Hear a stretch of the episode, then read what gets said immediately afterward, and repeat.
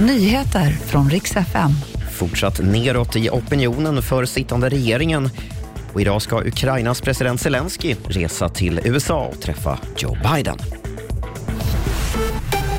God morgon. Regeringen fortsätter tappa stöd i opinionen. Om det vore val idag så skulle de tvingas avgå, visar TV4s väljaropinion.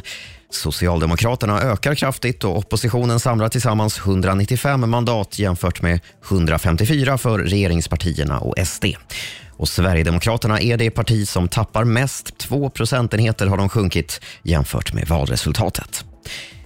Idag ska Ukrainas president Volodymyr Zelensky resa till USA. Han kommer bland annat träffa president Joe Biden och tala inför kongressen i Washington.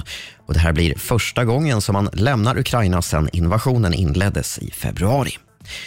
Och med tre dagar till jul så är det nu klart hur firandet kommer se ut för kungafamiljen. För för en gångs skull så är hela familjen samlad här hemma i Sverige, även prinsessan Madeleine med man och barn. Men de ska inte fira jul tillsammans allihop. Kronprinsessan Victoria ska fira med prins Daniels familj, kanske i Ockelbo. Prins Carl Philip ska fira med prinsessan Sofias familj.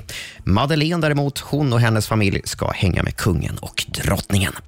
Det var de senaste nyheterna och jag heter Robin Kalmegård.